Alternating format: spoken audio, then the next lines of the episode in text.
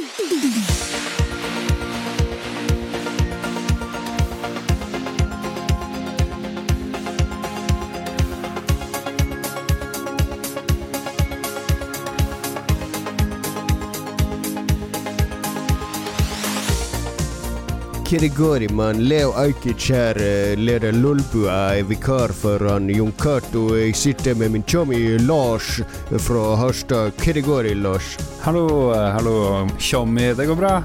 Har du gamet du for tida, Leo? Det er, fyr, det for losers. Jeg driver ikke og gamer. Driver og lager hiphop okay, og, og ja. litt sånne ting. Fuck off, eh, Leo. Få inn Jon Cato.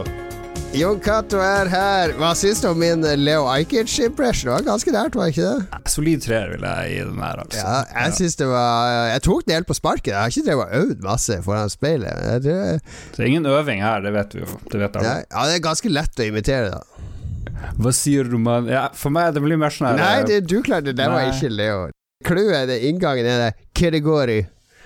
Da har du, da har du liksom landa tonefallet. i, mann. Leo her. Du, du, du. ja, Nei, jeg blir med en gang sånn rasist. Det går ikke. Det kan jeg ikke. du kan, kan Hvis du skal være Abid Raja, da. Hallo, mann. Hvordan går det med deg?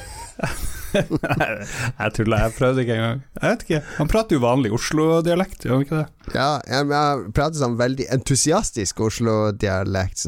Ja, nå må vi stå sammen og Velkommen til improbua. Improbua er her. Det er nemlig fordi vi har med Magnus Tellefsen. Han har øvd på masse gode improvisering. Hei, Magnus. Hvordan går det? Hei, det går kjempebra. Det var ganske dårlig. Som du kanskje merker, kjære lytter, så er det bare meg og Lars her i dag.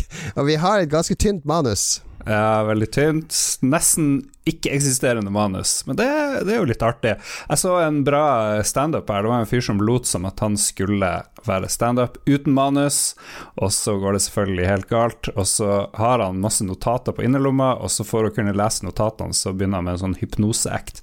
Ok, nå skal jeg hypnotisere publikum, må dere lukke øynene, og så bare rive opp arkene og begynne å lese fortvilt mens publikum tror de skal bli hypnotisert. Det var ganske artig.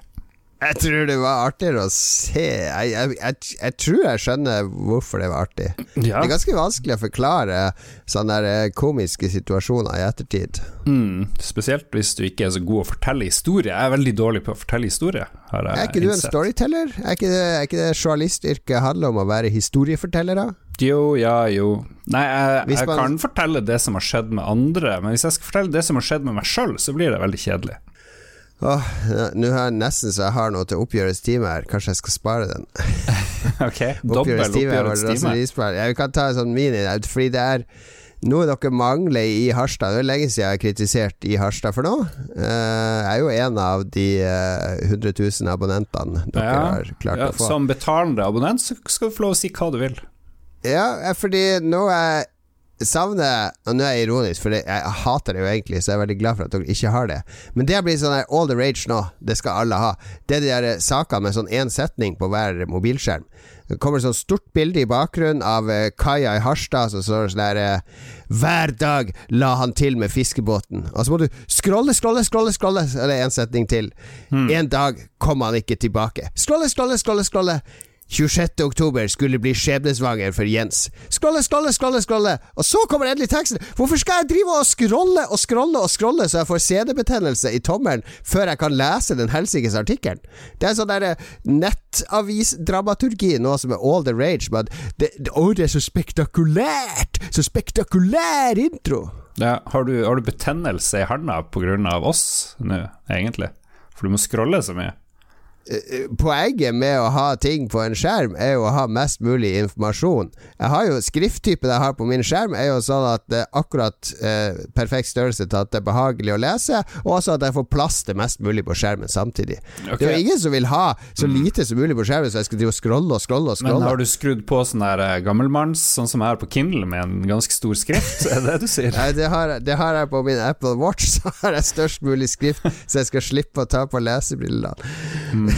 Men ja, jeg hater sånn Hva syns du som uh, nettjournalist om den type artikler? Du blir litt irritert, du òg. Mm. Ja, og så er de sånn sinnssykt pretensiøse òg, da. VG har det av og til. Bare ett bilde, to setninger, og så må du scrolle, scrolle, scrolle. ja, Ja, er, det er akkurat den. Det er akkurat det jeg mener. Ja. Men det syns jeg Hvis I Harstad skulle gjøre det, så kunne dere gjort det på de der eh, eh, lokalavissakene. De som blir eh, hengt ut på radio, ikke sant. På de der eh, at det er funnet en handlevogn fra Rema ute på Stangnes, og eh, butikksjefen i Rema vet ikke hvem som har orka å ta den helt dit. Altså de der intetsigende sakene, Ja. de burde man lage om til de veldig dra dramatiske og eh, spektakulære scrollesakene. Da Anne skulle på Rema, så så Skrolle, skrolle. Det var helt tomt for popkorn. Skrolle, skrolle. Nettopp. Ja. Nettopp. Ta og så eh, parodier de. Ja, det var en avsporing. Ja, ja, men det er jo det vi Vi har jo ingenting å komme med i dag, så vi må bare ha digresjoner. Lite, lite. Vi har jo spalta, da. Hva har skjedd, eller hva har du tenkt siden sist? Som Ja. regel så har, vi, har, jo, har det både skjedd noe, og vi har tenkt noe da. Vi har ikke så tomme liv. Men du har, eh, du har sett noe siden sist, som du Ja. vil dele. Ja, Jeg har fullført eh, sesong to av The Boys, og jeg var jo veldig fornøyd med sesong én. Men sesong to er så mye bedre, og det er så bra. Det er som terningkast fem Nei, nå er det terningkast seks. Har du sett av The Boys?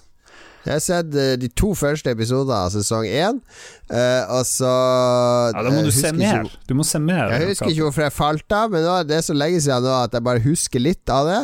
Så da, og det er et stort problem. Fordi nå, jeg føler Ja. at jeg kan ikke begynne på episode tre, for da er det sånn Hæ, hvem er det? Hva var relasjonen her? Er Og så orker jeg ikke å bruke to timer på å se de på nytt, fordi det er fortsatt så ferskt at jeg kommer til å gjenkjenne det meste. Du kan spole litt. Men det er jo recaps i starten av hver episode, tror jeg. Så det er jo ikke noe Ja, det er kanskje det. Ja, ja. Men, eh, men de er så herlig ond og egoistisk og barnslig, og det er liksom Oi, jeg har superkrefter, jeg kan springe veldig fort. Oi, jeg sprang over dama di, liksom. Ja ja, fuck Ja, det. det er jo i første episode. ja, det er i første episode, og så blir det bare verre, egentlig. Han springer over menn òg. Han springer over menn og damer, transkjønna osv. Det er Ja. en person som dør i serien, og ser, så er det noen som har litt vansker med å akseptere det. da Så han får en annen superhelt som kan imitere noen andre til å være den som har forsvunnet, og så blir det sånn forferdelig gross sex, fordi den her imitatorsuperhelten imitator-superhelten klarer ikke å opprettholde den her eh, maskeraden hele tida. Så plutselig dukker det opp en sånn litt sånn feit mann i stedet for en sånn eh, vakker dame som, som liksom egentlig skal være der. Det, det, Dette høres litt pubertalt ut. Er det pubertalt, eller Ja. er det en eller annen intellektuelt fundament her? For Mm. jeg som bare ser fransk kunstfilm, og nå er jeg på Korean New Wave-kino Er det noe for, for mine, mine intellektuelle krav? Blir de tilfredsstilt der? ja, ja, ja, ja, ja, ja. Det, er det veldig relevant. Det har mye med valget i USA akkurat nå å gjøre, på mange måter. Og, nei, det er flott. Ja, det, ja. Ja, Har du ikke sett den nye Borat-filmen, da? Nei, jeg drev og lurte litt på om jeg skulle spare den til hytteturen vi skal på ganske snart. Har du sett den? Ja, jeg har sett den. Jeg Jeg ja. så den med kona mi. Okay. tenkte Ja. jeg måtte se den mens den var relevant. For, det, for meg slår det Det slår meg som en film som er veldig ferskvare. Som at du har Mm. fått en fersk fisk på kjøkkendisken, og den bør du spise ganske raskt hvis du skal få noen nytelse av den. Ja, har, jeg vet ikke om du har ført den opp Jeg vet ikke om du har ført den opp i skjemaet som en anbefaling. Skal vi se? Nei, det har du ikke. Er det ikke, er det ikke noe du jeg, vil egentlig ikke, jeg vil ikke anbefale for jeg syns ikke den var så bra. Altså, den Mm. det Den første filmen lo jeg meg jo skakk av, men den så jeg jo etter tre øl på en sånn Faro-fest der vi hadde førpremiere på den filmen. En sal full av halvfulle bransjefolk. Eh, Det var magisk stemning. Ja, den første Eh. var jo Det er jo den artigste filmen jeg har sett, kanskje. Ja, ja, ja, ever. den var kjempebra. Og den er også bra på mange måter, men den er Det, det blir jo litt mer forutsigbart. Altså, du forventer jo Ja. å bli sjokkert, og, og så er det litt mer sånn regissert. Eh, Det er jo ikke Det er en del her som ikke er folk som blir lurt, altså. Det er skuespillere, tenker jeg. Ja, ok. Så det er bare juks? Noe av det er juks. Noen Ah. scener er nok sånne genuine greier. Men han er, han er liksom hjemme hos to sånne der eh, Trump-supportere, skal bo hos de under lockdown og sånn. Du skjønner jo at det ikke er realitet. Han går rundt og oppfører seg som en dust, og de er sånn skikkelig tålmodige. Og han, han ødelegger lommelykt, og så klarer han å bestille Han skal kjøpe en erstatning, så han bestiller tre flashlights i stedet for flashlights. Og, Ja, men hvis noen er barnslig, så er det jo han Sasha Baron Cohen. Har du sett den filmen, den fotballfilmen hans? Den er helt forferdelig dårlig. Jeg husker ikke hva den heter, men det er om to brødre, og så Ja. Det er Jeg ganske husker dårlig. broren, broren til Sasha Baron Cohen er jo sånn hjerneforsker på Oxford. Han var jo med i det Harald Eia-programmet, det der um, om, om biologi mot sosiologi. Ah, ja. hm. Apropos biologi, hva du tenker om skarring, Jon Cato? Ja, det er, det er det jeg har tenkt siden sist. Det har skjedd mye siden sist, men det jeg har tenkt mest på siden sist Og jeg prata så mye med kona mi om det, og hun ble så lei. Jeg orker ikke, jeg orker ikke det temaet mer. En ny kjepphest i, uh, Ja, det opptar meg veldig.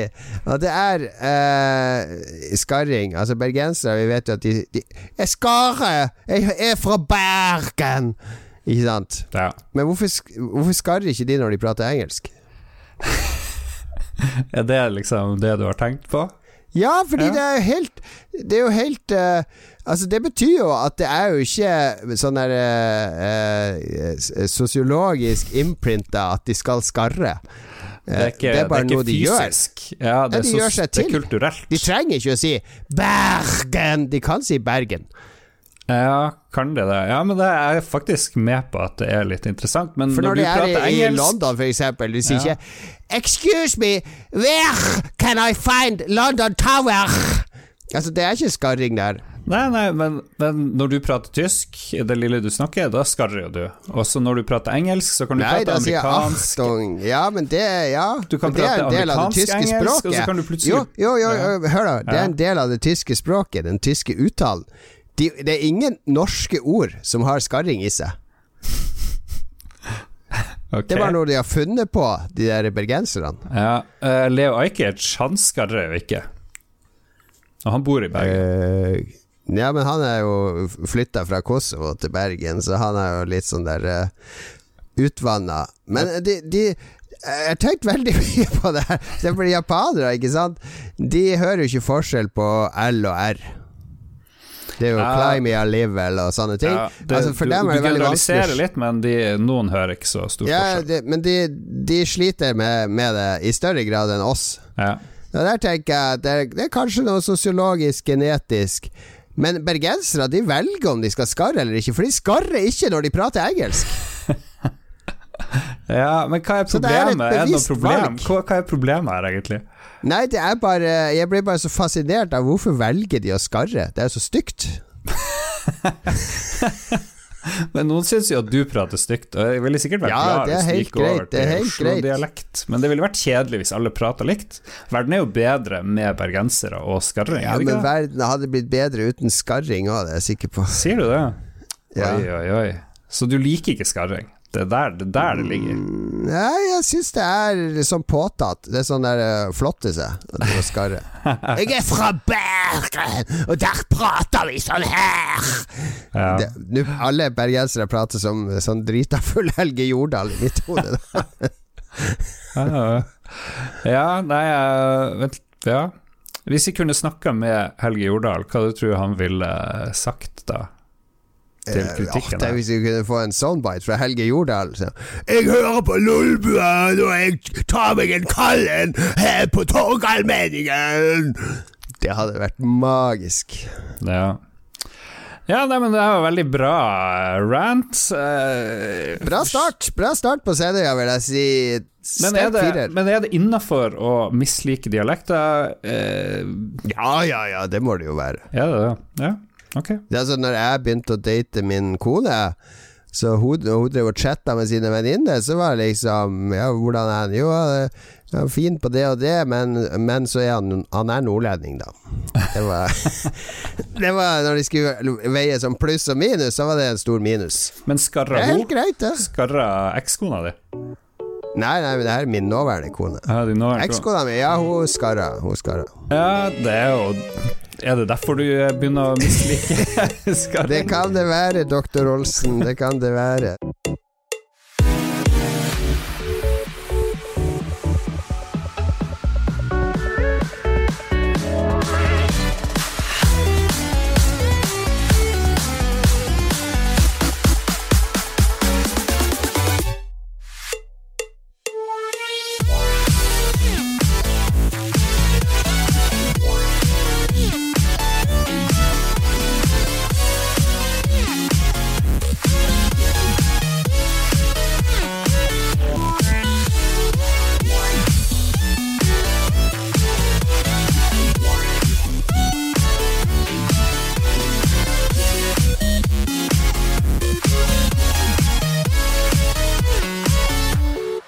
Skal holde temperaturen oppe og sinnet i gang, for vår spalte oppgjørestime. eh, den som er kickstarta med brannfakkel, og som Mats fulgte opp med det harde vannet i dusjen sin, det er en spalte der vi får lov å være sint på noe. Der vi får lov å uh, virkelig reagere på noe som vi syns er idiotisk eller urettferdig eller bare dumt, rett og slett. Og Lars, nå er det din tur til å stille deg opp på den eh, trekassen her, midt på torget, og så ta et oppgjør med noe som du virkelig misliker. Når du går på restaurant og andre steder, burgerplasser, det kan være hva som helst, så har de plutselig innført eh, en rett som virker å være veldig in. Eller har vel vært in ganske lenge, kanskje det er på tur ut til og med, men det har irritert meg fra første gangen jeg prøvde det, og det er pulled pork. Det er altså en langtidsstekt, kokt, stekt kjøtt hvor fibrene blir sånn kjempelang og sitter fast og irriterende. Og så går det inn i tennene dine, og så er det vanskelig å tygge det, og så er smaken ikke noe bedre. For det er en sånn rar kombo av at det blir mørere, men så er det seigt samtidig. Og så er det en mm. enorm gimmick som ikke gir meg noe som helst, men som har blitt veldig populær, og jeg forstår ikke hva som er så bra med det der. Jeg har jo implantater, to implantat, og der er det litt større mellomrom mellom tannkjøttet og tanna, og det er noe drit. Og der går det der pulled pork og pulled whatever rett inn, setter seg inn der. Jeg må sitte og kuke med tanntråd og alt mulig i 19 år. Mye mer enn noen annen rett så er det der pulled pork som du skal plutselig ha i burgere, du skal ha det i alt mulig rart. Og jeg bare skjønner ikke greia. Det ligger i butikken, i Rema, på hyllene der, pull ditt og pull datt. Og en ting jeg irriterer meg over òg, det er navnet. Hvorfor skal det hete pulled pork i Norge? Hva er, ja. ja. Det der, her har jo jeg drevet og krangla med eh, Magnus Tellefsen mange ganger, for jeg bruker jo å kalle det for strimla svinekjøtt. Ja. Og han bare Nei, nei det, det, er noe annet. Pull pork er pull pork. Det er en sånn egen metode. Ja, vet du hvordan man lager det? Jeg har aldri lagd det. Jeg vet ikke egentlig. Ja, jeg aner ikke. Jeg kommer aldri til det. Jeg er helt helt enig med deg her, Lars. Det er noe av det mest meningsløse som har blitt introdusert i uh, fastfood- eller streetfood-kjøkkenet, mm. det der pulled pork. Det å få en å gå på en burgerrestaurant og så bare mm, Å, det har de en med cheddar og bacon. Å, det har de en med smoked uh, onion rings og barbecue sauce. Å, de har en pulled pork-burger! Ja, men da tror jeg jeg velger å få en masse sånn opprevet svinekjøtt mellom to brød, så jeg kan sitte og få mellom tennene mine, og som ikke smaker en dritt. Selvfølgelig velger du ikke det, da er du jo korka. Ja ja. Nei, Jeg vet ikke hvem som fant på det, men de har et veldig godt salgsapparat og enorm promoavdeling som har fått det der pull pork til å bli jævlig bra. Det er sikkert griseindustrien som liksom For de sliter, de får ikke saltet til jøder eller uh, muslimer, så må de ja, presse det på. Pork, jeg tror de skjønner at pork er svin. Ja, ja, men de må, de må, lage masse forskjellige varianter, så de kan liksom selge Å ja, i dag skal jeg pull pork. Ja, da kan jeg ha indrefilet av svin dagen etterpå, for det er jo to helt forskjellige ting, tenker folk. Så da blir det dobbelt opp med pork. Det jeg lurer på, er jo Altså, hvis jeg skulle rangere alle retter med svin fra 1 til 100, så hadde jo pulled pork kommet uh, antagelig på bunn tror ja. jeg. Det er så mye bedre med svin. Uh, svinesteik, svinekam, svinekoteletter. Så mye masse deilige ting man kan lage med grisen. Uh, mm. Så hvorfor i all verden skal man lage det pulled pork? Ja, og så Siden vi er på tema, hva er opp med prisene på sauekjøtt? Jeg har hørt at det er sånn 0, et eller annet kroner per kilo. Det er det de her sauebøndene får. Kan ikke vi spise eh. mer sau, mindre gris generelt? For jeg tror, jeg tror, de må være inne på noe. Det kan ikke være sånn at to religioner eller hva enn det blir, eh, tar feil. De må jo være inne på noe, egentlig, tror jeg. Så det er greit nok, religion er ikke alltid det mest fornuftige, men det er sikkert, det er sikkert, noe, sikkert en grunn. Det er noe galt med å spise gris, men vi har bare ikke funnet det ut. Ja, I India så er jo kuen hellig, da. ja. Spiser de aldri burger, svikjøtt, kjøtt, okseburger i India? Er det helt ulovlig? Okse er vel ikke en ku, så det kan de kanskje spise. Jeg vet ikke. Jeg har bare hørt om hellige kyr, ikke hellige okse. Ok, så, Men har det, er det noe sånn å, kvinner er opphøyd i i uh, drøvtyggerverden, og så er liksom du, jeg så en sånn der eh, Joanna Lumley eh, Hun har sånn reiseprogram der hun reiser rundt i verden. Jeg syns hun er litt sjarmerende. Hun er litt sånn engelsk gatearistokratisk. ja, veldig, veldig synlige tenner. Ja, det er hun. Men hun er litt, sånn Porsche, og så hun- men så er hun veldig sånn vennlig og inkluderende. Veldig koselig. Eh, altså, så hun var i India, og, der var det noe sånne Hun skulle i en eller annen sånn bryllup eller et eller annet, i en sånn veldig religiøs by. Og der satt de og venta på at den kua skulle bæsje, for da skulle de bruke kubæsjen og blande i, Ah. i noe matgreier. Det var, var tradisjon. Jo, jeg mener det var det. Det var litt disgusting. Ok. Ja, nei, hun der Joanna Lumley, men hun er altfor entusiastisk og genuin for meg, egentlig. Hun er så Ja. sinnssykt oppriktig glad i alt, og liksom Hvor er hennes dårlige side? Jeg vil se noen dårlige sider, ikke bare at hun elsker alt hun kommer over og skal Kanskje litt, litt for positiv. Men det jeg lurer på, hvis vi skal avslutte tiraden din, er jo Nå har det jo vært i EU denne uka har vært en veldig viktig debatt og avstemning der det har blitt beslutt, beslutta at eh, eh, vegetarmatbransjen De får lov å kalle ting for burger og pølse og sånne ting, eh, selv om det er vegansk eller eh, basert på plantestoffer og soya og ikke inneholder kjøtt. Jeg trodde du skulle si at de skulle forby pulled pork. Jeg ble skikkelig glad. Nei, nei, men de har bestemt at kjøttbransjen De navnene er ikke beskytta, sånn at det er bare kjøttbransjen som får bruke de. Og da lurer jeg på, når får vi vegansk pulled pork?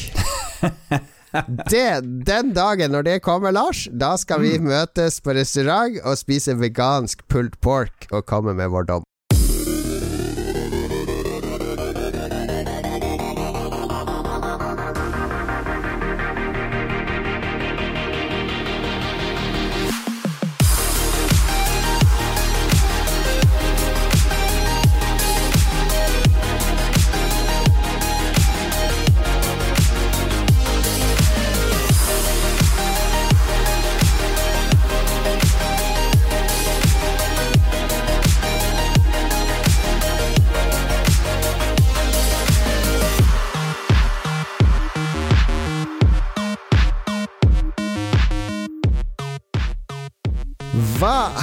Vi spilt i det siste, Lars? Jeg må innrømme at nå er det lite som frister på releaselista. Det er litt sånn stille før stormen før det. Jeg drev og skanna for å se om det er noe jeg har lyst til å sjekke ut, og det er ikke så mye. Det er noen norske spill som ligger i backloggen her. Uh, og så er det Det går liksom å vente på Cyberpunk og disse store som er rett rundt hjørnet. Ja, jeg har helt glemt av Mesmer, det norske spillet som kom. Jeg har spilt en bracelet, og så har jeg prøvd, lyst til å prøve Dwarfheim, men eh, jeg er jo ganske treg på å spille på PC, så det har jeg liksom ikke kommet meg til. Men jeg skjønner hva du sier. Jeg gjør det. Men det er, har med mange ting å gjøre. Vi, vi har også den hytteturen vår som vi er litt gira for. Så etter den så har vi en sånn, litt sånn depressiv periode, så da kommer spillene tilbake. Vi skal jo sitte i koronakarantene i en måned, så da Jeg får vi spilt masse. Men jeg kan jo si at på hytta så har vi med oss nyeste Pro Evolution Soccer. Jeg vet ikke hva den serien heter lenger. Det heter jo noe sånn herre E-football Electronic uh, Smoking Device League uh, Soccer 2000 og et eller annet. Smoking device, faktisk. Det, ja, jeg tror du har helt rett. Det har et navn som jeg aner ikke hva det heter lenger. Nei, nei, nei, men jeg gleder meg til å spille på hytta. Men jeg mm, kanskje vi burde ta med Mortal Kombat òg, eller et eller annet sånt. For det, det har vi ikke hatt i det hele tatt på hytta på lenge. Og det er jo en naturlig greie å sitte og spille en hel gjeng i lag. Ta med deg Collectors Edition din. Den er jo dessverre elektronisk, men ja, whatever. Ok, men Hva har du spilt i det siste, Lars? Du er på Ja. kinakjøret? Jeg er på kinakjøret. Du har jo skrytt litt av Genshin Impact, og så kom Jostein og skrøt masse. og Så tenkte jeg ok, da, det er jo gratis. Og Ståle har òg Balvinson i Ragequit har skrytt. Kjørte det på, ble med en gang litt sånn her oh, Jesus lord, hva er det jeg holder på med? Helt sånn Det er din reaksjon Det er din reaksjon på ni av ti ting du setter på. Jesus lord, hva er det her for noe? Ja, for det begynner jo med en helt uforståelig sekvens hvor det kommer en sånn gud og sperrer to mennesker inne på jorda, en, en, en eller annen jord. De får ikke lov å forsvinne, og, og så har hun en tale, den der guden, som jeg ikke skjønte noe av. og brukte sånne frem, engelske fremmedord jeg ikke skjønte. Og det er sånn typisk Kina-greier, tror jeg, at de bare er litt sånn her Jeg skjønner ikke hva som skjer. Men uansett så begynner det, og så er det Breath of the Wild, og det er helt ok. Spiller jeg noen timer, kommer rett i en by. Eller jeg kommer ganske fort inn i byen. Og så er det sånn, ja, her får du de rare krystallene, og her får du de poengene, og så får jeg noen wishes, og så får jeg masse sånne free to play-mekanikkgreier som jeg bare kjenner at suger livskrafta ut av meg, for da må jeg sette meg inn i alt det her. Jeg vet ikke, ignorerer du bare de her tingene, eller eh, For jeg er litt redd for at jeg må liksom sitte og følge med på tre, fire ulike sånne her uh, det er jo egentlig bare å spille. Du får flere karakterer, ikke sant? så har de liksom forskjellige elementer de behersker. Så da googler jeg litt, bare for å se Ok, det handler jo om å bruke ild mot eh, tre og vann mot ild, osv. Så, videre. Ja, så det var veldig riktig poengene du får, det var liksom det som forvirra meg. For jeg får noen wishes, Nei, og så får du det. krystaller og Ja, bare levele opp ting og kjøre på, for det blir ikke så vanskelig før du kommer ganske langt inn i det, når du må begynne å tune ting og tenke på ting. Og innen den tid så har du enten falt av, eller så er du såpass investert at du har lyst til å finne ut av det.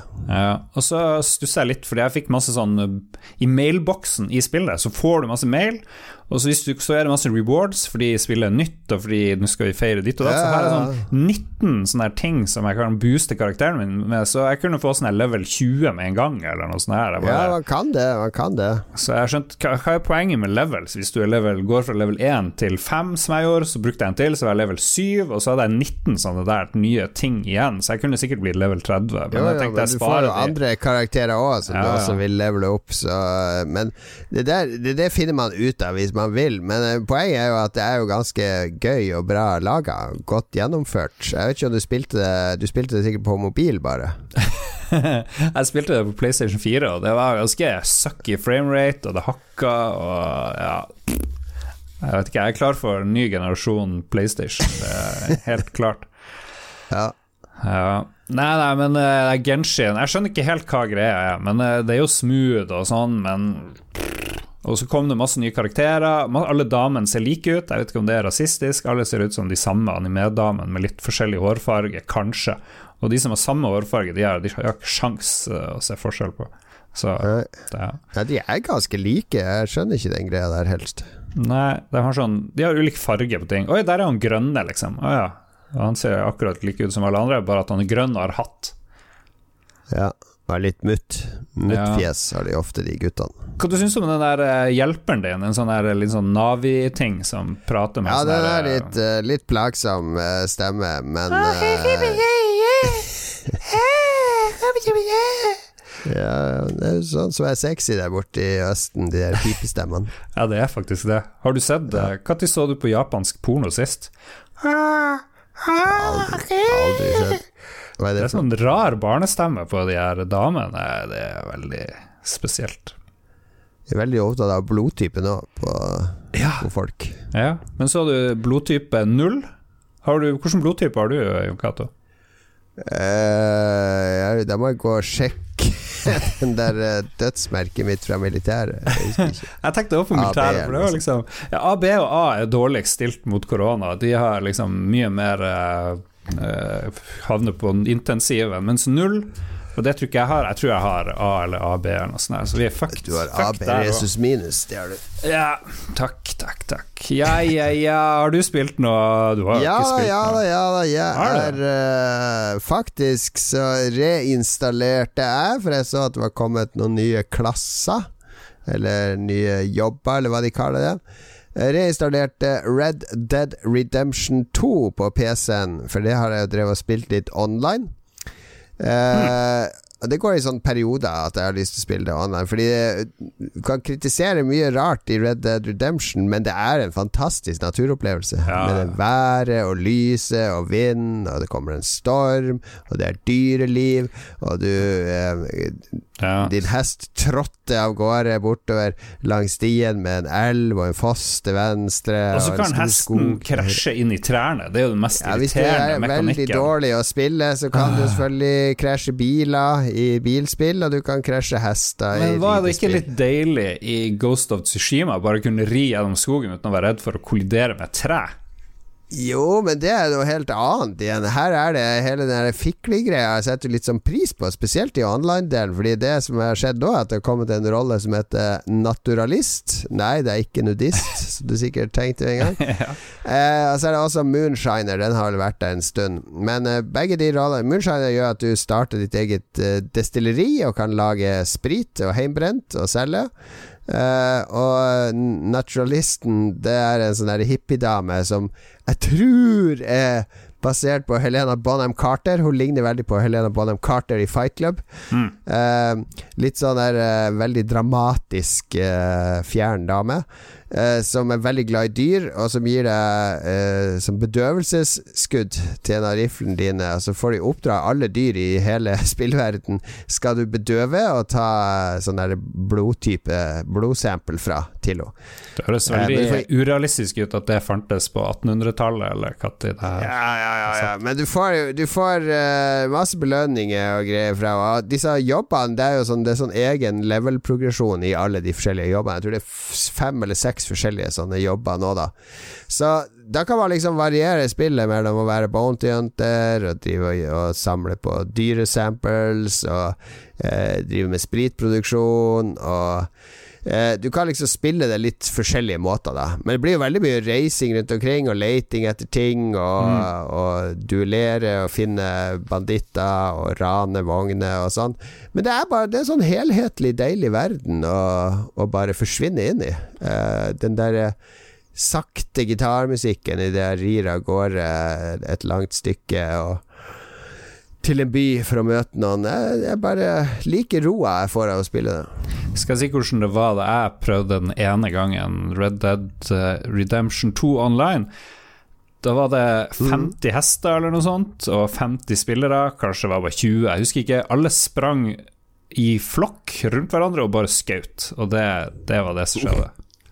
Ja, det er ikke så mye av det nå, da. Men du, og du kan også velge å spille på en sånn her peace mode, der du tar Det skal veldig mye skade til for å drepe deg, da. Så eh, det, jeg, jeg tror jeg blir angrepet én gang i løpet av helga av en kar. Hmm.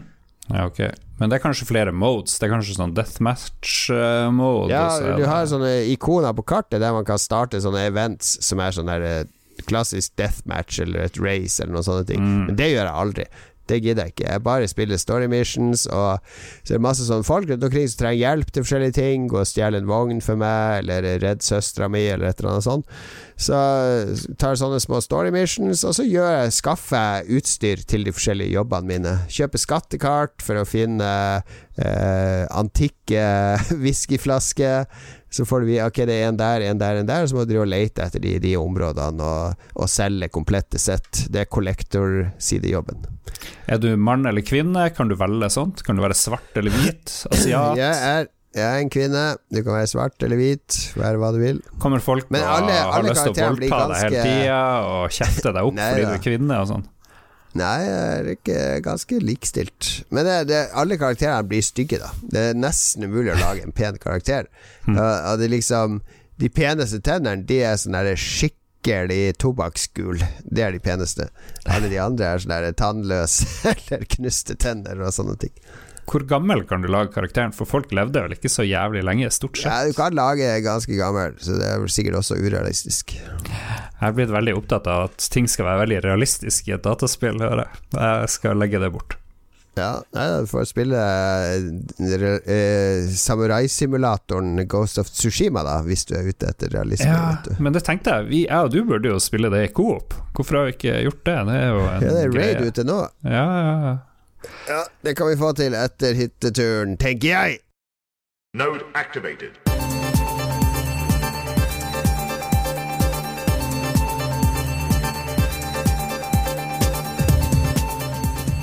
Da er det Das anbefaling. Das Anbefaling. Deutsches Ja, vet du hva? Anbefaling. Jeg skulle jo egentlig opp til Harstad, men vi måtte droppe det pga. korona på skolen her til ungene. Ingen av de som har fått korona, så det, alt har gått bra. Men de ble, de ble veldig skuffet. Ikke fordi at de gikk glipp av konfirmasjon. Vet du hvorfor de ble skuffa? Mm, de, de fikk ikke møtt meg. Nei, ja, ja, men du har noe med det å gjøre. Ah, ja. uh, TV-en min? Nei. Nei. Nei, det, det gir opp. De hadde gleda seg så sinnssykt til å teste den der dassen din og bli vaska i ræva. Ah, oi, oi, oi. Ja, men det er Ja, bra. Det har de snakka om i flere måneder, at de skal til Harstad og teste sånn do som vasker deg i rumpa. Ja, det, jeg anbefaler det fremdeles. Jeg gjør det. Funker som faen. Ja. Beste doen jeg hadde. Det var den største skuffelsen deres. ok, anbefalinger. Jeg, jeg kjører begynne. på. Ja, jeg har en eh, nå På Criterion Channel nå, som sikkert folk er lei av å høre om, for det er vel ingen andre i Norge enn meg og en som heter Geir, som jeg kjenner, som har den. Men der har de nå Nå Noe som de eh, har kalt for eh, Prøv, prøv å snakke med skarring, så går det kanskje bedre. Nei, hysj, hysj. Det er noe Altså New uh, Korean Wave of Cinema. Ok. Eh, der de har 15 eller 16 filmer fra Sør-Korea fra 96 frem til i dag. Eh, og det har de jo laga litt på grunn av eh, Parasite, eh, som jo vant Oscar, ikke sant? Som er han Boon uh, Yun-ho som lagde. Eh, men også fordi Parasite og jeg vet ikke hvor mye koreansk film du har sett. Du har sett Train to Busan, den zombiefilmen. Ja, jeg har sett en del koreansk film. Det er jo bra, da. Mye Ja, bra der. Oldboy er jo et godt eksempel på Altså, den koreanske filmen har en sånn vitalitet. Uh, det kommer mye av Jeg så en sånn kort dokumentar om det på Criterion Channel med en sånn filmviter. Eh, fordi i Korea var jo basically et diktatur fram til 80-tallet. Sør-Korea. Så etter krigen mellom Nord- og Sør-Korea Så ble de delt i to. Og så ble det veldig strenge regler i Sør-Korea. Så det var jo total sensur og sånn. Så ingen sto fritt til å lage kunst fritt fram til 88 eller noe sånt. Da var det frislipp. Ja, jeg leste opp på det. Altså, Masse kunst ble sensurert fordi det skulle være Det var propaganda. De var jo i krig med Nord-Korea.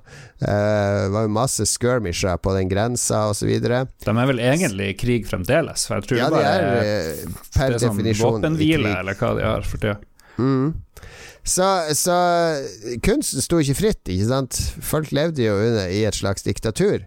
Så etter 88, når de slapp på disse restriksjonene, da ble det sånn eh, Myndighetene kommer ikke inn og sensurerer. Da ble det sånn der eh, Den generasjonen som kom der, og han sammenligner det liksom med Coppola og Scorsese og Spielberg på 70-tallet, som kom ut av det studiosystemet og kunne liksom skape helt fritt.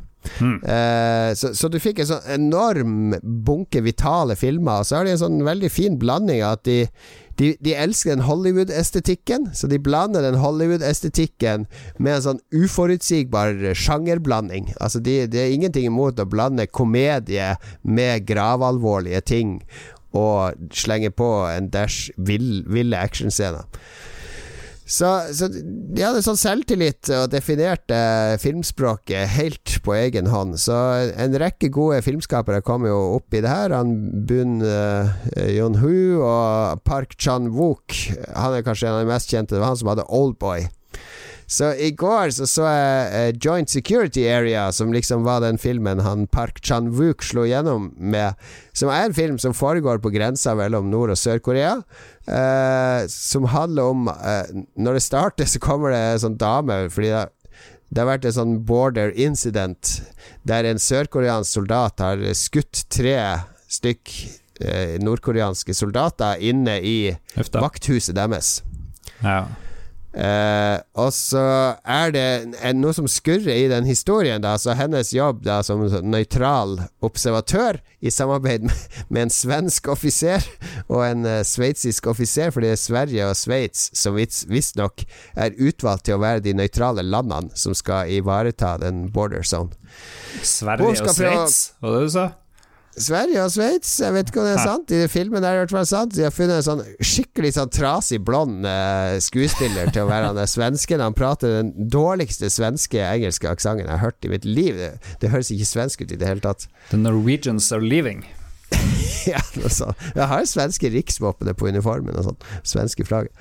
Men eh, hun skal liksom komme til bunns i det her. Så viser det seg at det er en ganske kul historie bak hvordan det der skjedde i den boden. Jeg skal ikke i det vakthuset. Jeg skal ikke røpe det, for det er ganske det, det, det begynner veldig sånn traust, men så Uff, hva er det her for noe? Det er litt sånn dårlige kulisser. Føler at du ser på Falcon Crest litt. Eh, sånn studiofilm. Men så, så bare tar det plutselig helt av, fordi det kommer en sånn reveal. Og så får du liksom vite hva som skjedde, og følge en historie sånn Det her skjedde. Opp til det vi vet. Ja. Så at uh, jeg, ble, jeg ble veldig sånn bergtatt av den filmen. Den er det er sånn fortellerglede i den, og en, en varm og, og fin historie. Så det gjorde sterkt inntrykk på meg. Ja. Hele Sør- og Nord-Korea-situasjonen er jo fascinerende. Tenk å ha et av verdens mest eh, OK land som har en enorm industri og klarer å gjøre masse rart. Eh, de har k-pop, de har elektronikk, de har biler og industri og alt det der, og så har du Nord-Korea som bare eh, Driten henger, ikke sant. Det er jo helt forferdelig å være der. Og så I tillegg så har du de her turistene som av og til går eh, på grensa. Du har misjonærer som prøver å snike seg inn og skal hjelpe de her i Nord-Korea. Og så blir de fengsla, og så blir de ikke så godt eh, eh, behandla. Kunne du tenke deg å gå en sånn tur eh, på grensa mellom Nord- og Sør-Korea? og Bare kanskje med en bibel i innerlomma, se hva som skjer? Nei, jeg tror ikke jeg tør det. Det er jo mine og alt der, er det ikke det? Fortsatt? Ja, jo, det er sikkert det. En ferie i Nord-Korea, da. Det, det virker litt eh, fascinerende. Ja, eh, ja, men eh, det har vært en del gode dokumentarer på NRK i det siste om eh, hva Nord-Korea egentlig lever av. Så Det er veldig fascinerende. Det kan jeg anbefale i samme slengen. Du finner den på NRK. Det, er en de er jo Altså, de tjener jo De har jo ikke noe økonomi i landet sitt, så det de tjener penger på, er jo forsikringssvindel i utlandet og å selge Altså, de underbyr De produserer veldig mye klær som vi kjøper i Vesten, er jo egentlig laga i Nord-Korea. Det er kinesiske produsenter som sier at ja, men det lager vi her, her følger vi alle regler, det er ikke noe barnearbeid. Og så har de egentlig outsourca det inn i eh, Korea, Nord-Korea, der folk eh, bor under bakken i sånne slavefabrikker der de sitter 18 Jesus. timer dagen og lager de klærne.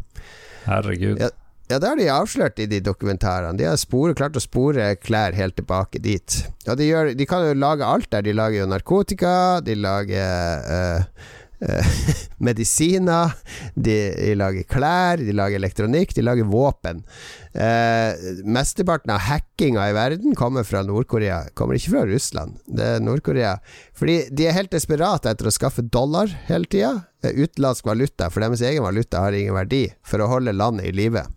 Og så er det masse agenter rundt om i verden som eh, har kontorer rundt om i verden der de prøver å skaffe penger. Rekruttere investorer eller eh, folk som har lyst til å kjøpe produkter fra Nord-Korea. Det er jo trade embargo, så de, de må jo, alt må gjøres i skjul. Det høres utrolig fascinerende ut. Nord-Korea er jo et fantastisk land. Ja, men eh, se den dokumentaren. Nord-Korea sin ambassade i Berlin, f.eks. Den bruker de som hotell. For å tjene ekstra penger. Så hvis du drar til Berlin, så kan du booke deg inn på Nord-Koreas ambassade. De har ikke lov til å gjøre det. De har ikke lov å drive business i Berlin, men de driter i det. Hva skal de gjøre? Skal, skal dere kaste oss ut? Nei, vi, vi lager hotell her på ambassaden vår. Har du sett bilde av en, kanskje den største bygninga i, i hovedstaden i Nord-Korea? Hva heter hovedstaden i Nord-Korea uansett? Det er en sånn svær trekantaktig, sånn Illuminati-aktig, bare en sånn veldig slank, høy trekant. Eh, pyramide, og den skulle være et hotell. eller noe sånt skulle være en sånn fantastisk moderne bygning. Jeg tror det var noen folk fra Egypt, kanskje, eller noe sånt, som kom og hjalp til. Og så bare bygde de det hele med betong. Uh, og hele greia kan rase ned når som helst, visstnok. For det, du skal ikke bygge sånne ting i betong, men de har ikke kunnskap og teknologi til å bygge annet. Så det står bare helt tomt. Så den er Ja. fint lyssatt, men det er liksom Det er ingen, ingenting som er inni der, da. Så det er vel et bilde av hvor kjipt ting egentlig er i det der eh, stakkars forkvakla landet. Ja, det er jo helt fullstendig ødelagt. Eh, en artig ting jeg lærte i den filmen, var jo om eh, eh, Geoye-campen, altså fangeleiren under krigen mellom Nord- og Sør-Korea, der de hadde 170 000 krigsfanger fra Nord-Korea i en periode. Det er ganske mange. 170 000. Ja, og, og så vidt jeg skjønte, det har jeg ikke sjekka etter, men i filmen i hvert fall så påstår de at når den leiren ble, ble stengt til slutt, uh, så uh, fikk fangene velge om de ville dra tilbake til Nord-Korea eller bosette seg i Sør-Korea. Okay. Så jeg tror eh, 80 000 valgte å dra tilbake til Nord-Korea, og litt over 20 000 valgte å bosette seg i Sør-Korea. Da hadde de sittet i, fengsel der i, i flere år. Uff, ok. Nok, eh, nok Nord-Korea. Eh, Interessant. Du, kan ikke si at du ikke lærer ting av å høre på Lolbua. Altså. Her er ikke bare fjås, her er ikke bare å sitte og plapre om, eh, om hva man har spist i det siste. Her er det fakta. Her er det fakta. Ja. Vi lærer deg ting.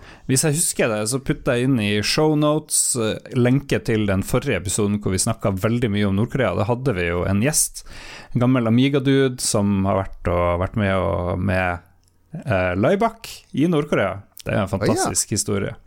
Husker ikke Ja, du det? Ja, ja, ja, vi husker han. Husker han. Sånn gikk det. Skal vi se Jeg kan anbefale en podkastserie fra New York Times som heter Rabbit Hole.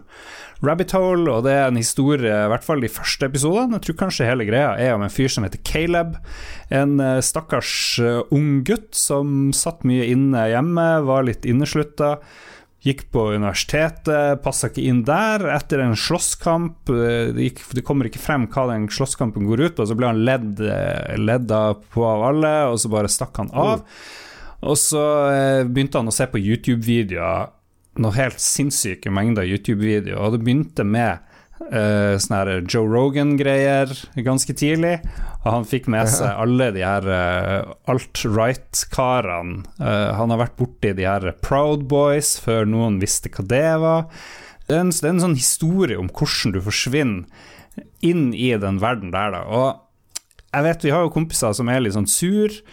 Blant annet Jostein i Radcrew, han liker å snakke om USA og hvor ille ting er der, og det er jo det. Men liksom eh, det er, jo ikke, det er jo ikke noen andre sin skyld enn han her Caleb, da, føler jeg. Det er jo han som oppsøker de her tingene, og så kan det jo ikke sånn at hvis jeg og du hadde sett sånne her syke sånne her Jordan Peterson-folk og litt sånn ekstreme karer som hater kvinner og, og eh, hater social justice warriors og sånt, det er jo ikke sånn at vi plutselig hadde blitt radikalisert eh, ut av det. Så, så vi liker jo å forklare ting med kultur og sånn, vi, vi er kanskje ikke så søkende på den måten. Altså Mange er jo, søker jo etter en eller annen bekreftelse, mens jeg og du, vi er jo Vi er kanskje komfortable med det vi vet, og vi søker heller utfordringer. Eh, Ja, men, eller- men vi var jo òg ganske sånn Var ikke ute og sosialiserte. Vi hadde ikke null kontakt med kvinner eh, lang, mange år. Lars, det her skulle vi ikke snakke om. Men liksom, vi, vi Ja, kunne men jeg husker jo for eksempel For meg var det jo den der boka The Game gjorde jo en stor forskjell, fordi den eh, og- Altså, jeg fulgte jo ikke de teknikkene til punkt og prikke, men den Peacocking. ufarliggjorde det der å prate med at Det å gjøre det med å prate med damer om til et spill, det ble en sånn der Å ja, det, det er jo en artig teknikk for å beherske sosiale situasjoner man føler seg ukomfortabel i. Og det gjør jo vi alle, hvis du skal opp og tale på et styremøte, eller holde tale på, på en større forsamling, eller du skal være vert for en middag. Så man har jo teknikker for å takle de sosiale situasjonene. Ja, nå har ikke jeg lest Jeg har lest litt i The Game, men er det ikke sånn du bare objektifiserer kvinner, egentlig? Det blir de det blir et spill, ikke sant? Jo, altså det handler jo li litt om å ikke ha de oppe på sånn her pedestal der det Der deres avvisning eh, påvirker deg i sterk grad, ikke sant? Det, det du gjorde, var jo at eh, Jeg hadde jo en kompis, han ble jo helt hekta på de greiene der. Ikke sant? Han var jo til og med i A-magasinet og i VG sto Ja. han jo med han portrettintervju med han fordi han, hadde, han gikk rundt med sånn dum klovnehatt på byen og drev med flaring og alle de tingene du lærer der. For for han ble det jo nesten en religion. Eh, men jeg, ja, jeg vet ikke. Det, det funka jo ikke så bra, egentlig, på det du egentlig er ute etter, som er å finne nærhet. Ja, Det, ja. det funka jo bare for å eh, få folk litt fascinert av deg, og kanskje få deg et ligg i ny og ne. Men Ja. eh, ble, du ble jo ikke noe bedre menneske av det. Nei, det var en stor greie, det der The Game. Ja. husker jeg. Det var mye Du, du skulle peacocke, og så var det mye wingman, og det var Hva var det? Ja, ja, og det var masse sånne begreper, ikke sant? for da blir det jo enda mer spill av det. Og, da blir det, og det er jo en av nøklene her, Fordi når du har alle disse begrepene, da blir det jo en kult, en sekt ut av det, ikke sant? For da er det sånn Du bruker ord og uttrykk som andre ikke forstår. men han kompisen din forstår det, eller de karene der borte forstår det, da blir man jo en del av en sekt. Og det kan du jo overføre til noe som skjer både på høyre- og venstresida nå, som bruker veldig mye begreper om motstandere, om debatteknikker og sånne ting, som gjør at noen ganger når jeg leser tweets fra veldig politisk aktive folk på de to sidene, så klarer man jo nesten ikke å henge med i hva de, hva de prøver å, å snakke om. Ja. Fordi de, de, de er også på en måte sekta ved at de pakker seg sjøl og sine meningsfeller inn i begreper, og da skaper et community. Nei, jeg vil anbefale den her eh, Rabbit Hole-serien. Jeg har ikke fullført den helt, men jeg bare fikk masse tanker, og så får du litt sånn statistikk om hvor mye, hvor mye videoer folk sitter og ser. Spesielt nå når det er korona, så må jo de tallene ha gått veldig opp, men tidligere i år så var det rapportert eh, også i denne podkasten i mars-april, jeg husker ikke når episoden kom, at hver dag så sitter folk og ser det som tilsvarer 114 000 år med videoer. Én milliard timer konsumeres hver dag. Tenk hvor mye produktiv tid som går bort til at folk bare sitter og ser noen nyttige ting, men òg bare sånn helt ødeleggende og helt meningsløse ting. Jeg tipper unger står sikkert for mye av de her 114 000 årene som, som brukes Ja, hver dag. Det vil jeg tro. Og pff, er det litt Er det litt Er det et problem? Er det bra? Er det helt greit, liksom? Nei, det er jo ikke noe problem. Hva, hva skulle de ellers bruke de Hva er det, hva er det der produktive man tror at man skal bruke de timene på? Skal ut og bygge vedskjul eller et eller annet? Jeg vet ikke, jeg vet ikke. Jeg, jeg, jeg setter jo på musikk hvis jeg driver og jobber, så har jeg YouTube på i bakgrunnen, har jeg begynt å ha, i stedet for Spotify, fordi det kommer så mye likt, så for å få litt variasjon, så kjenner YouTube meg litt annerledes, så da har jeg det andre algoritmer og andre, andre musikk som dukker opp der, så da har jeg det gående i bakgrunnen. Men jeg er jo ikke den som sitter og bruker og forsvinner i de hullene, men jeg syns litt synd egentlig på de som eh, jeg, jeg må jo si jeg er så gammeldags at jeg foretrekker å sitte og bruke to timer en dag på å lese en bok enn å bare ha på noe sånn eh, gjør på YouTube. Men eh, nå er jo sikkert bøker helt ute om 50 år eller noe sånt, kanskje. Jeg vet ikke. Ja, de overlever nok. Jeg også foretrekker å lese en bok eller se en film eh, Ja, ja. fremfor å se random. Men jeg har noen ting eh, jeg, Det eneste jeg egentlig ser på YouTube, er jo musikk. Mm. Jeg ser jo Jeg klarer ikke å se folk snakke om spill eller sånn der spilljournalistikk på YouTube. Da skal vi bruke tolv minutter på å snakke om eh, hvorfor Nintendo har fucka opp med dette her. Jeg orker ikke. Det gidder ikke.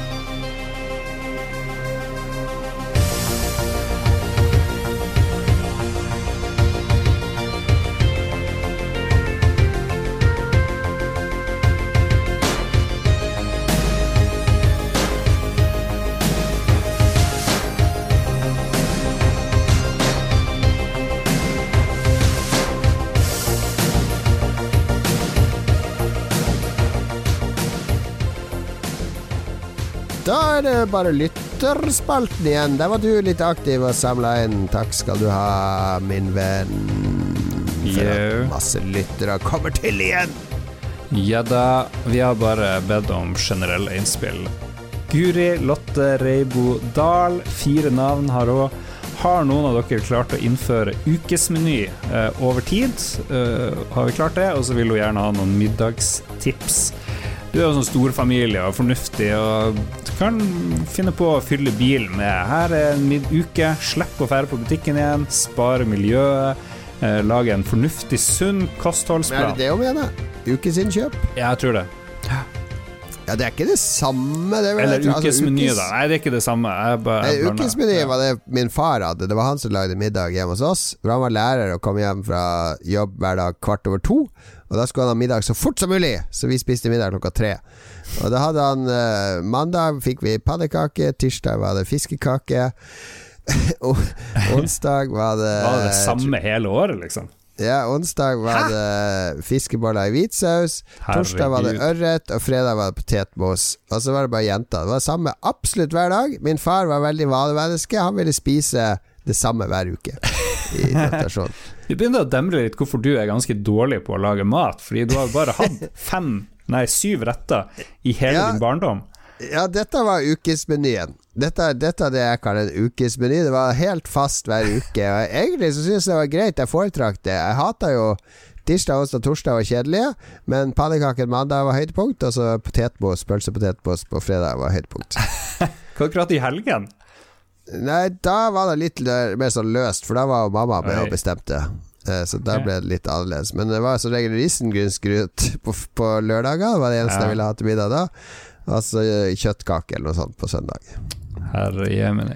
Ukeshandling er noe annet, og det er ganske lett å gjennomføre. Det er bare at du må eh, A. Ikke ha med deg unger. Uh, Ungene må være hjemme med den andre parten, og så må du sette av en time på butikken med handlelista. Eh, så forutsetter det at du har plass i kjøleskap og fryser. Og Det er greit. Det problemet der er sånn der eh, brødmat og andre sånn ferskting som bør kjøpes, eh, ikke bør ligge for lenge, da. Men uh, Mm. det går også. Min mor spiser Nå røper jeg mye om familien min her, men jeg tror ikke de hører på. Men hun, hun er jo blitt så Hun er jo ga, gammel nå, ikke sant, og nærmer seg Hun er jo over 70 år. Og så blir, og er litt sånn småspist. Så spiser en brødskive til frokost, og så spiser hun middag, og så spiser hun en brødskive til kvelds. Ja. Så hun har løst det brødproblemet. Jeg var i frysen hennes i helga. At hun, hun har sånne fryseposer der med to brødskiver i hver frysepose. ja, det er Så perfekt. tar, hver kveld tar hun ut en sånn pose, og så da er de brødskivene tint neste morgen. ja, du må tipse om eh, brødrister, for da trenger du ikke tine dem. Det Ja, hun bruker, hun bruker det Ja. vet du. Så bare tar du rett ut av fryseren, inn i brødristeren, smekk boom. Jeg syns det var så flott når jeg så ned i den fryseren der, så bare alle de plastposene, hva er det her? De å lagre kokain eller noe sånt? der? Nei da, det var to, to brødskiver i hver pose. Ja, eh, middagstips vil Guri også ha. Jeg, min nye go to-middag, fordi når jeg jobber seint og ikke har tid, så drar jeg på butikken, kjøper jeg ferdiglagde pannekaker. Syns det er helt magisk topp. Drev jo ikke du som og skulle spise noe sånn der havrepannekake eller noe Ja, sånn ja. Men de havrepannekakene har de bare på Spar, så okay. ellers er det sånn Bertas, veldig usunne, og de har jeg kjøpt, og de er like gode. eh, Og veldig Det usunne. Jeg Ja. bruker Det hender at jeg blir tvunget til å lage middag. Uh, vanligvis, hvis det er bare én dag, så kjører jeg nødløsning som er Grandiosa eller noe kjempeenkelt å lage. Ja. Men så noen ganger, hvis det er over flere dager, fordi kona mi er borte på et eller annet, så føler jeg at nå må jeg være litt kreativ. Så går jeg på matprat.no og så prøver jeg å finne en oppskrift som jeg kan klare. Og det syns jeg er så vanskelig, for alltid i de oppskriftene så er det en eller annen ingrediens som Ja, bare. Hva er det for noe? Ja. Hvor, hvor finner jeg det på Rema? Og så, og, og så må jeg gå og spørre på Rema Vet du hva det her er. Noen ganger så må jeg og google navnet på den ingrediensen. Og Rema eller Kiwi, bare for å se om jeg kan få et bilde av pakken. Er det i et glass, eller Men er du det i vet jo ikke hva kålrabi er, og du vet jo ikke hva nepe er, du vet jo ikke hva noe sånt er, husker jeg. Ja, ja, jeg vet litt mer nå enn jeg gjorde for 25 år siden, når dere skulle teste meg i grønnsaker. Det gjør jeg. Ja, det Men, eh, men så mye vet jeg ikke. Men uh, det irriterer meg ofte at er, jeg syns det er vanskelig å finne, fra, finne sånne ting. Jeg har veldig lyst til å følge en ny oppskrift, og så gir jeg opp hvis jeg ikke finner alle ingrediensene. Stian Mæland, eh, Kampsauen her. Nylig blitt pappa til ei jente. Jon Cato kom med tips. Gratulerer, Stian, vår uh, egentlige quizmaster, men nå har han barnepermisjon og alt det der. Ja, uh, tips? Jeg kan ikke komme med tips. Jeg har ingen jente, jeg har tre gutter. Tror du det er Det er helt- forskjell når de er, er null år? Det er helt forskjellig. Jeg har sett Borat 2. Der er det brukermanual til hvordan du skal oppdra jente. Der er det mange gode tips. Men- poenget mitt er jo min yngste sønn er jo ni år gammel nå. Og jeg har, jeg har fortrengt nesten alt fra de foregående åtte årene. Ja, ja, men fra én til tre år så husker jeg lite fra noen av de, fordi det er, det er bare sånn rutinepreg på det. Altså der Er du sulten? har han bæsja?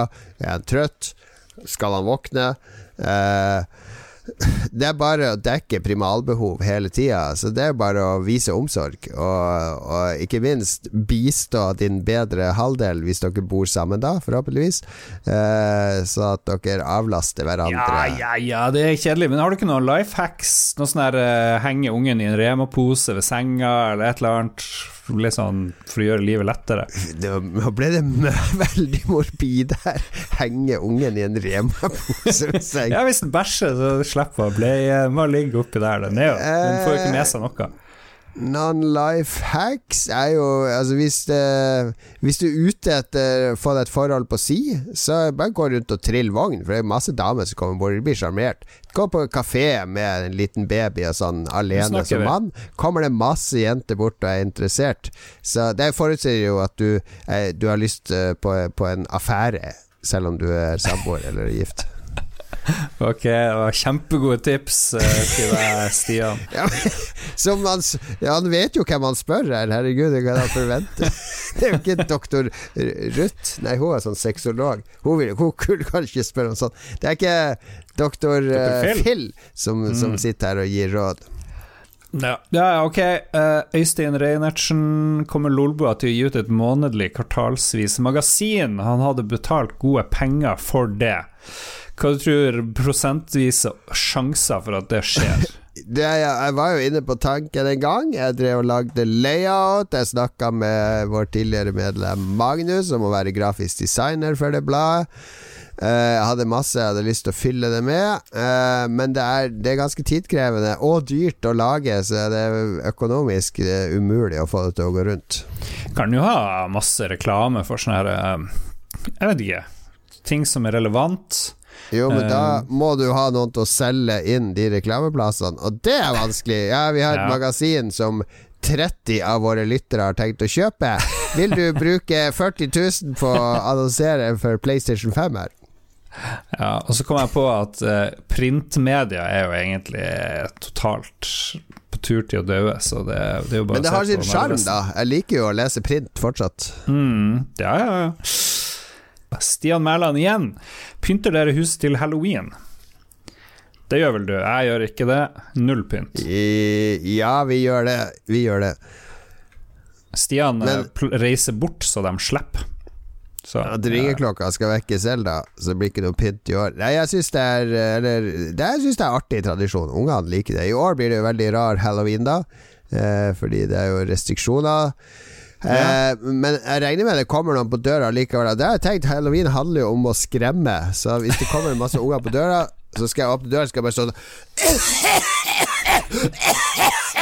Og hoste på de ungene. Ser du foreldrene bak blir likblek. Det er jo halloween. Skal jo skremme.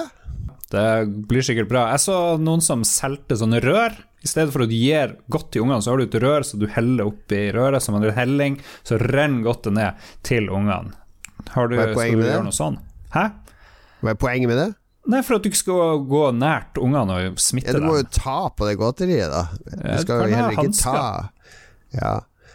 Ja. Vegard Mudenia, han har aldri vært så fyllesyk som i går. Må ha tips til hva jeg gjør neste gang jeg er så dårlig. Eller er det eneste som hjelper nakkeskudd? Jeg har et konkret tips. Eh, allergitabletter. Ta to av de kveld, når du legger deg på kvelden natta. Uh, ta to av de med et glass vann, så er du i ganske fin form dagen etter. For allergitabletter uh, de bekjemper bakrusen.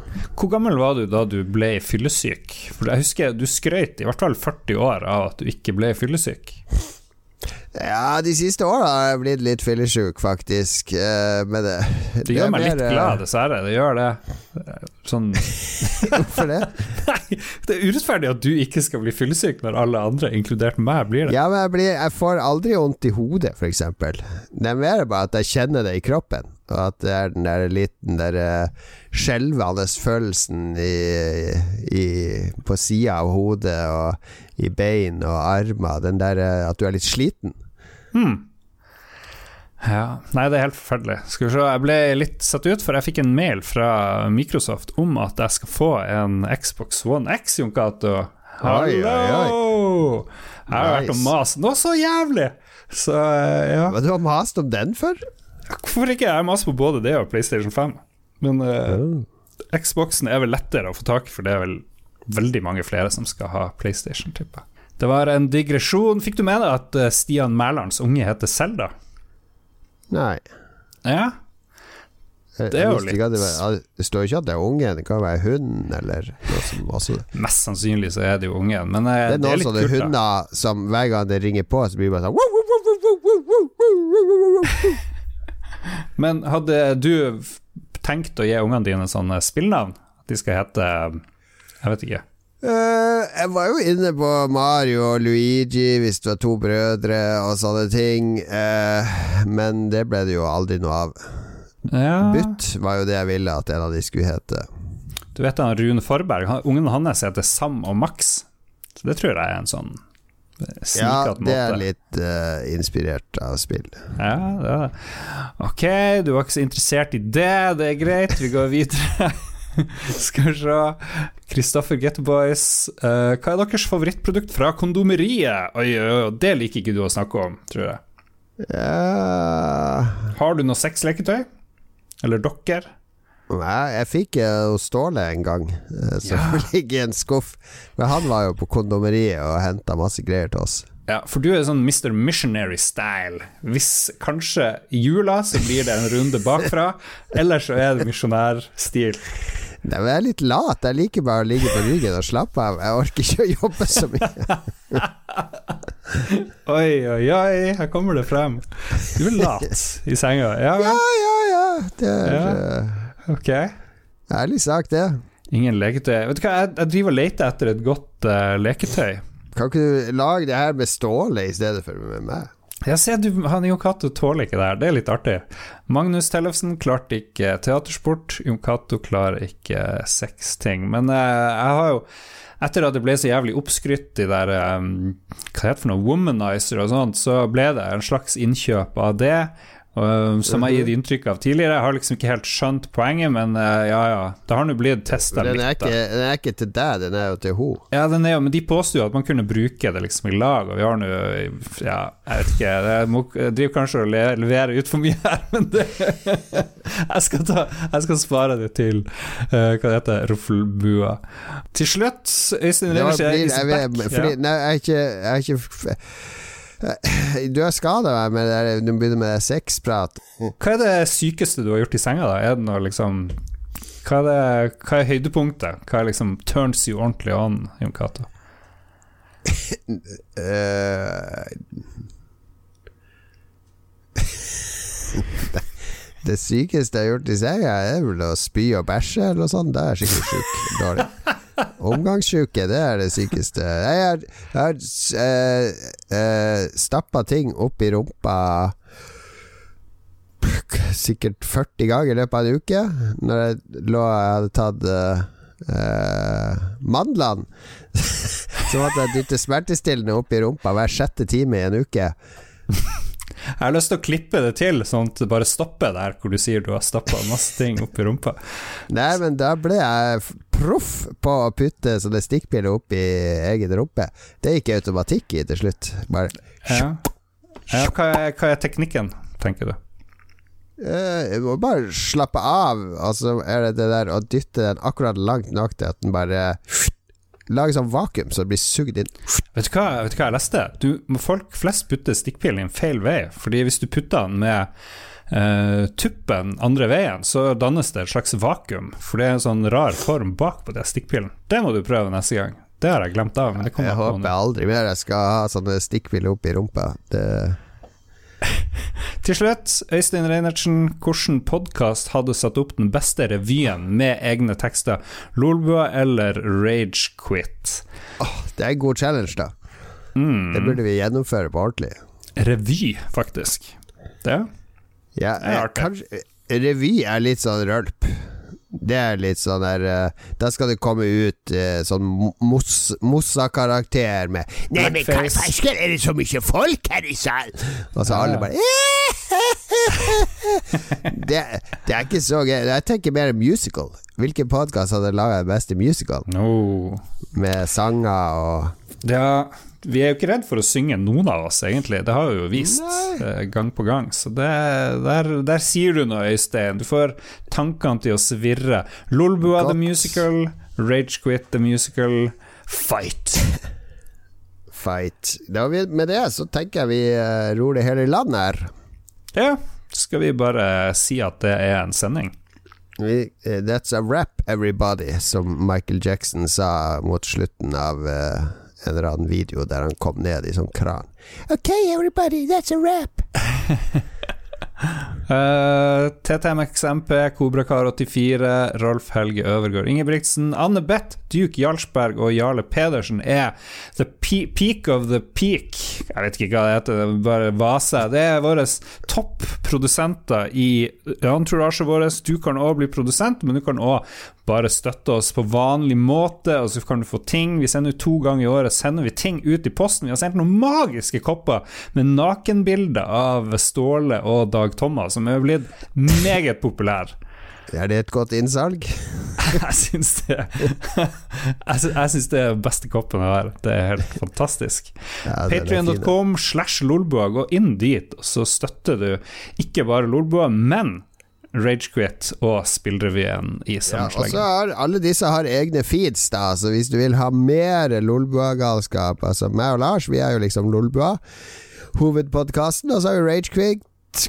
Ragequit, Ståle, Dag Thomas og Eh, hva het han siste der? Eh, ingen som vet, ingen som husker. Ja, du gjorde, du gjorde meg til.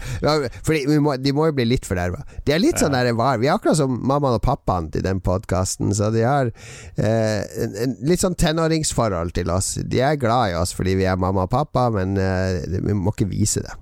Nei, det er det. De driver og gjør opprør hver uke mot oss. De gjør det. Ja, det litt slitsomt. Det liker vi. Og så har vi selvfølgelig spillrevyen som vi lager i samarbeid med pressfire.no. Eh, det, det, er den podkasten for deg som liker spillnyheter. Det, det har blitt veldig bra, det har det. Så sjekk den ut, også i egen feed. Og skal du vel også sjekke ut, hvis vi først skal snakke om det, våre venner i Radcrew som holder koken med bestefar Nei, han er ikke bestefar. Onkel. Onkel Jostein i førersetet. Onkel Jostein, onkel Jostein med godteri i lommene som han gjerne vil at du skal ta ut derfra på halloween. Oh yeah.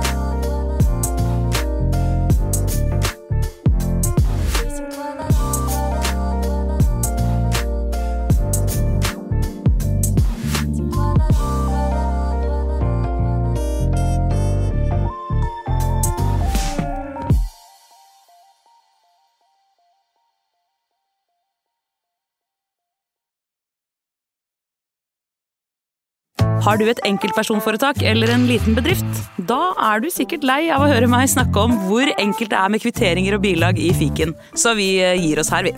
Fordi vi liker enkelt. Fiken superenkelt regnskap.